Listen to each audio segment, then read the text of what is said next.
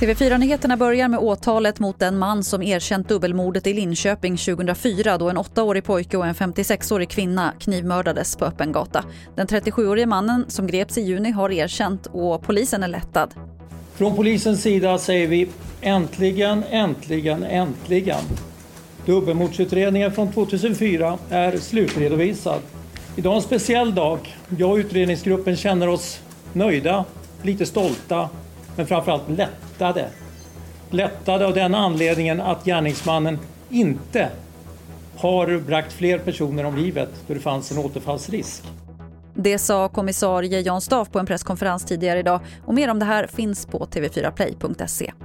Polisen misstänks inte för något brott efter dödsolyckan med en mopedbil i Täby norr om Stockholm. Åklagaren har utrett om polisen var skyldig till vårdslöshet i trafik efter krocken mellan mopedbilen och en polisbil. Men utredningen visar enligt åklagaren att olyckan hände när mopedbilen inte följde väjningsplikten. Polarbröd varslar 131 anställda som jobbar på fabriken i Älvsbyn som ju totalförstördes i en brand. Företagsledningen ser ingen annan lösning i dagsläget eftersom det kommer ta lång tid att bygga upp ett nytt bageri. Det var det senaste från TV4 Nyheterna. Jag heter Lotta Wall.